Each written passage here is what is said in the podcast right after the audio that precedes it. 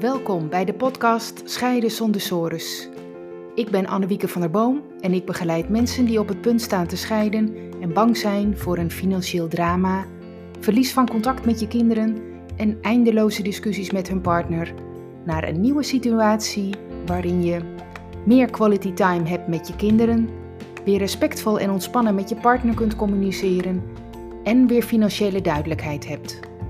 In deze podcast geef ik je informatie, tips en achtergronden die jou kunnen helpen goed door je scheiding heen te komen, met als resultaat weer plezier en energie om verder te gaan met je toekomst, voor jezelf en voor je kinderen. Dat is Scheiden zonder sores.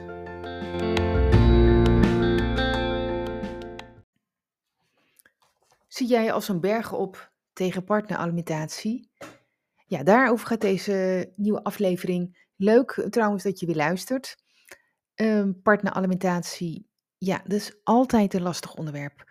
En dat ligt niet aan jou of aan je partner of aan je situatie. Nee, dat komt gewoon omdat er zoveel juridische regels zijn over partneralimentatie. En uh, ook omdat uh, die regels soms naar je gevoel heel onrechtvaardig uitpakken. En ook omdat heel veel mensen er wel iets van vinden. Hè? Die hebben wel een mening over partneralimentatie. Ja, en daar zit vaak een eigen verhaal achter van die mensen. Frustratie uh, over de eigen situatie bijvoorbeeld. Uh, of uh, maar een deel van de kennis hebben van de materie, maar niet het geheel. En toch op basis van dat deel een mening vormen.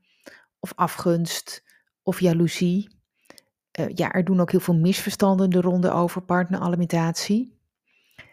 Um, ja, bijvoorbeeld, hè, eh, stel je, je hebt net aan een vriendin eh, verteld uh, dat je gaat scheiden.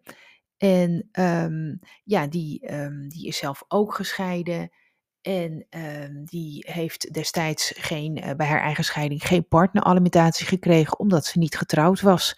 Hè, zo zijn de regels dan. Het geldt niet voor samenwoners, maar alleen voor, voor mensen die getrouwd zijn of een geregistreerd partnerschap hebben.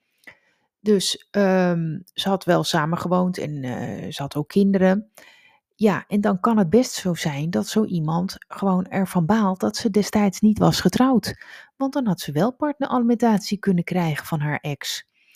Dus ze zegt nu tegen jou, uh, bijvoorbeeld, ga maar flink claimen hoor, haal er maar, zoveel mogelijk binnen. Ja, dat gun ik jou wel. Of ze zegt juist tegenovergestelde, hè? Nou, je gaat toch zeker geen partneralimentatie vragen, hè? Je wilt toch gewoon zelfstandig blijven? Ja, en ik kan een ander voorbeeld geven van iemand die, um, die moet betalen. Hier eventjes voor het gemak heel standaard de man. En die zegt, ja, moet je luisteren, partneralimentatie, ik ga gewoon minder werken hoor. Ik ga van vijf naar vier dagen, want anders kan ik die vijfde dag die ik werk helemaal uh, betalen aan partneralimentatie. Moet ik daarvoor werken? Of ik ga niet samenwonen met mijn nieuwe partner. Dus dan even weer voor degene die alimentatie kan krijgen. Uh, ik ga niet samenwonen met mijn nieuwe partner, want dan moet ik de partneralimentatie die ik ontvang inleveren. Ja, dus ja, dat soort situaties kom je allemaal tegen. En dit is ook echt uit het leven gegrepen hoor, uh, op het gebied van partneralimentatie. En um, ja, ik heb laatst een webinar gegeven, heel leuk trouwens. En uh, er was een deelnemer die hier ook een vraag over had. Uh, ze woonde al een tijdje apart van haar man en ze had een veel lager loon dan, uh, dan hij. Hij betaalde wel heel veel van de kosten voor de kinderen, dus dat was mooi. Maar ja, zij kon desondanks toch niet rondkomen.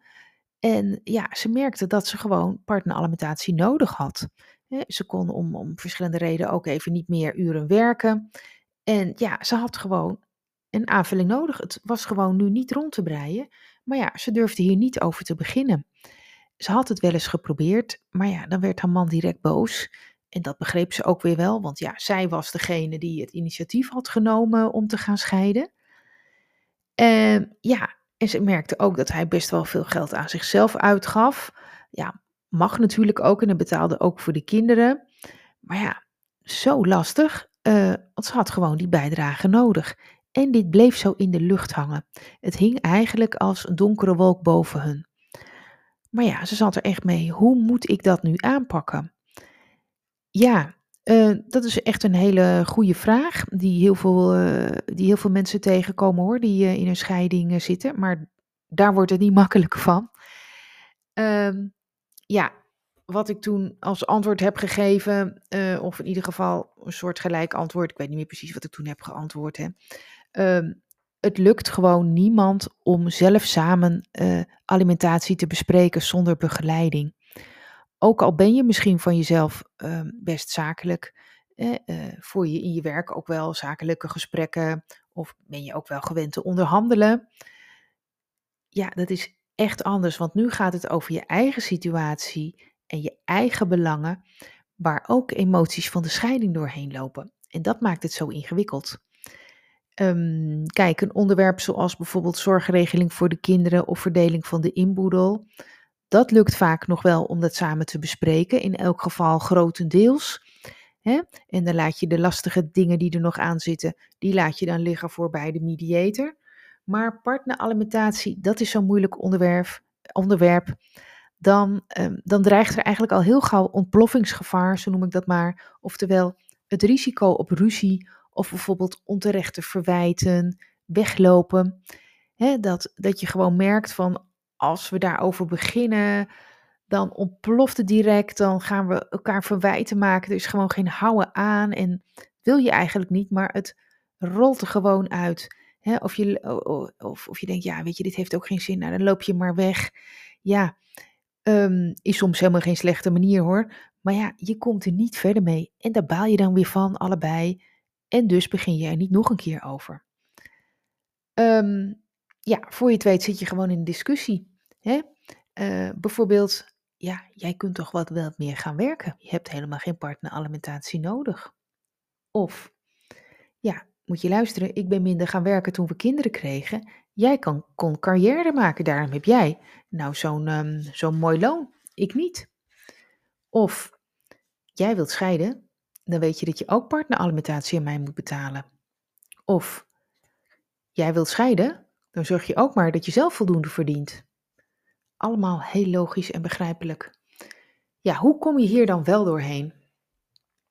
Ja, door het onder begeleiding van een deskundige te bespreken. En een deskundige is bijvoorbeeld een mediator. He, zo doe ik dat ook als mensen bij mij komen. Dan bespreek ik stap voor stap met de mensen het hele onderwerp partneralimentatie. En dan lukt het ook. Niet dat het gemakkelijk is hoor. Het is echt lastig en confronterend. En er moeten ook bedragen worden genoemd, ook heel moeilijk. Maar, en dat is het goede nieuws, toch nog een beetje, het lukt in mediations bijna altijd wel om eruit te komen en om er uh, samen overeenstemming over te bereiken. En dan zie ik vaak een grote opluchting bij de mensen en dat zeggen ze dan ook. Hè, gelukkig, we zijn hier doorheen. Het was even pittig, was, nou, was best een paar weken pittig, maar gelukkig we hebben het eigen en hier zijn we allebei tevreden mee. We kunnen hier allebei mee leven.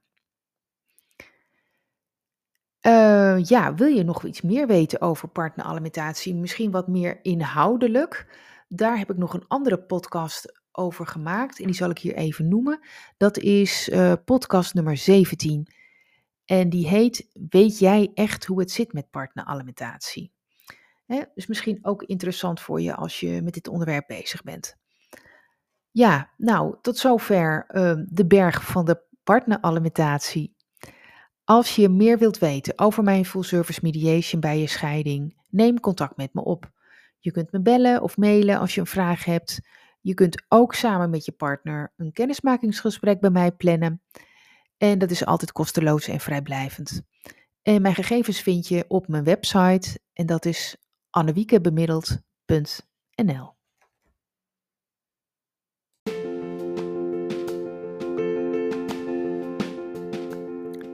Leuk dat je hebt geluisterd naar deze aflevering. Ben je benieuwd naar meer? Abonneer je dan op deze podcast. Dat kun je doen door bij Apple Podcast op het plusteken rechtsboven te klikken en dan zie je volgen. Bij Spotify door linksboven op volgen te klikken. Wil je meer weten over mijn full service mediation? Bekijk dan mijn gratis video, waarvoor je je kunt aanmelden via mijn website annewiekebemiddeld.nl. tot de volgende aflevering.